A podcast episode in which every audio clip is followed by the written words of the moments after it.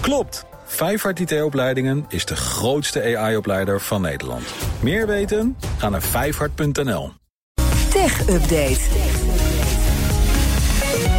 Tijd voor de tech-update. En daarvoor is onze tech-redacteur Joe van Buurik aangeschoven. Hey Joe. Hey Roos en Donatello. Hi. Hi. Want we hebben nieuws van het cyberfront in Oekraïne, zo gezegd. Ja, er is nieuwe Wiper-malware aangetroffen... van die kwaadaardige software die hele computersystemen kan wissen. Oh ja, vandaar Wiper dus. Hè? Precies. De afgelopen weken hadden we al twee varianten waargenomen. Nu dus de derde. Die wordt bijna liefkozend, zou ik zeggen, Caddy Wiper genoemd. Dat is ontdekt door cybersecurity bedrijf ESET. En dus om ons bij te praten hebben we nu Dave Maasland in de uitzending... directeur van de Nederlandse afdeling. Dag Dave.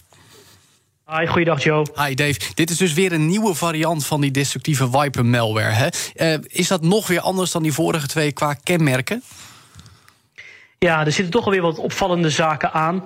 Uh, dit is de derde wiper in, uh, in drie weken sinds, uh, sinds de oorlog.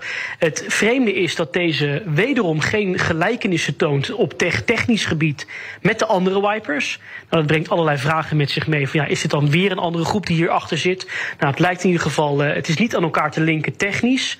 Ook hier zien we weer dat de aanvallers al veel eerder binnen waren bij de verschillende organisaties. Dus ze hebben vaak een moment gekozen om dan zo'n wiper ja, te activeren. Op zo'n, ja, het lijkt op een knop te drukken. Maar hij doet iets anders bijzonders. Dit keer maakt hij niet alles stuk. Hij laat de ja, domeincontrollers, bepaalde uh, systemen intact om het netwerk nog aan te kunnen sturen. Dus het lijkt erop dat ze toch nog wel iets van controle willen houden. En het doelwit dit keer was heel gericht platleggen van een financiële instelling. Dus als je dat zo onder elkaar zet, ja, dan zie je dat er ook op het cybergebied toch weer hele gerichte sabotageacties worden uitgevoerd aan dit front. En dat blijft, uh, ja, dat, dat, dat blijft een hele belangrijke en interessante ontwikkeling. Ja, en, en dan hebben we het over financiële instanties, financiële instanties in Oekraïne.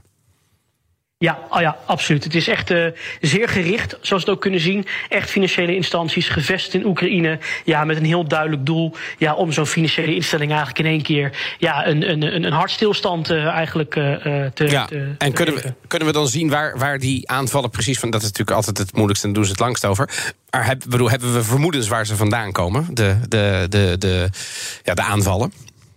Nou, wat ons natuurlijk wel begint op te vallen, is het niet uh, tonen van gelijkenissen tussen die drie malware-varianten. Daar zijn wij natuurlijk als beveiligingsbedrijf altijd mee bezig. Soms juist ook wel goed in om aan te tonen ja, welke groeperingen, dat met een chic woord noemen we dat actoren die daarachter zitten. En tot nu toe vinden we gewoon geen sporen, geen broodkruimels die leiden naar de juiste actoren. Kijk, natuurlijk in het geopolitieke speelveld zijn er veel mensen die, die natuurlijk direct zeggen: ja, dit moet of Rusland of iemand gelinkt aan. Kijk, één ding is duidelijk: het doelwit blijft Oekraïne. En het is echt gericht op schade. Hier zit geen enkel financieel gewin achter. Dit zijn niet criminelen op zoek naar geld. Dit is echt puur stuk te maken. Ja, en dan blijft natuurlijk wel een aantal, uh, aantal verdachten over. Hey, en Dave, is er ook iets te zeggen over wanneer en hoe deze uh, wiper malware gepland is? Want het moet allemaal ook vaak ver van tevoren gebeuren. Het is niet iets wat ze even ja. een paar dagen van tevoren hebben gedaan. Nee, ook dat hebben al deze acties gemeen. De aanvallers zijn al binnen en kiezen hun moment. Uh, we hebben de wipers gisterenochtend ontdekt, rond half elf ongeveer. En ook hierin waren de aanvallers ja, waarschijnlijk al weken tot maanden van tevoren binnen. Hoe ze vaak binnenkomen zijn de traditionele methodes. Kwetsbare software die niet geüpdate is.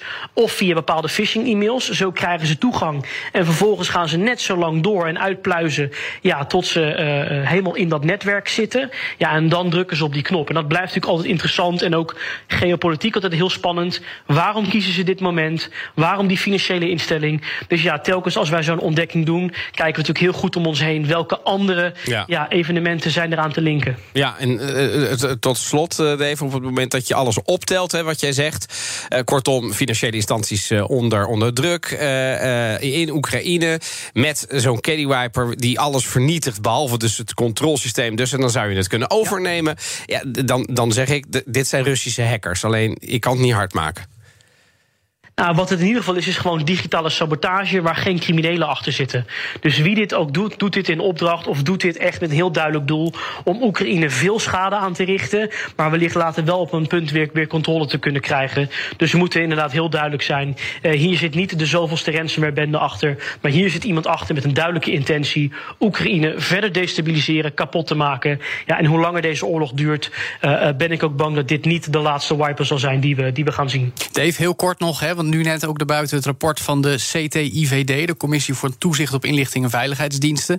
Dat er beter gekeken gaat worden naar het proces hoe onze AIVD en MIVD mogen aftappen. Um, nou, dat hoort natuurlijk ook bij de, de, het aanpassen van de wet waar ons kabinet nu mee bezig is, die sleepnetwet. Uh, gaat dat ons voldoende beschermen de komende weken om te voorkomen dat die aanvallen ook op Nederland gericht gaan worden? Nou, dat denk ik niet. Kijk, natuurlijk uh, zijn, uh, wordt er nu momentum gepakt om heel breed dit onderwerp op de agenda te zetten. Dat snap ik ook. Maar uh, ja, digitale weerbaarheid iets, is iets wat we natuurlijk al jarenlang geleden in hebben gezet of veel meer hadden in moeten zetten. Ik denk niet dat we morgen kunnen zeggen, nou nu zijn we verdedigd tegen grootschalige wiper-aanvallen. Op veel plekken in onze digitale maatschappij zijn we kwetsbaar. Essentiële diensten, vitale diensten, logistiek. Dat gaan we morgen niet oplossen, ook niet met meer bevoegdheden.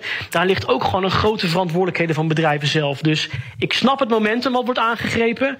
Maar uh, echt investeren in digitale weerbaarheid, ja, dat, dat komt nu pas hoog genoeg op de agenda.